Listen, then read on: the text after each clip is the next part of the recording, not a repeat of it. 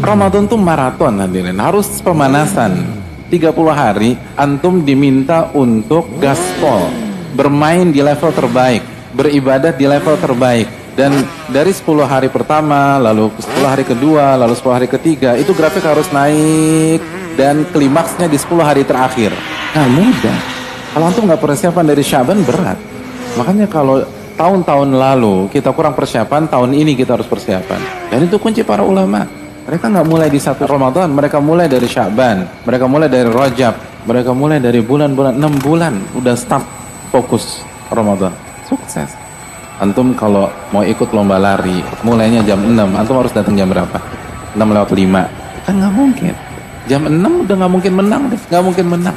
Antum harus datang satu jam sebelumnya, terus lari, stretching, terus pemanasan, kalau para ulama yang memang ahli tahajud, ahli kiraah, ahli Quran, ahli sedekah, itu mereka harus persiapan. Ya apalagi kita, ahli Quran bukan, ahli tahajud bukan, ahli zikir bukan. No shortcut proses hadirin. Nggak ada jalan pintas menuju kesuksesan. Dan ini waktunya di Syaban. Jangan kesiangan.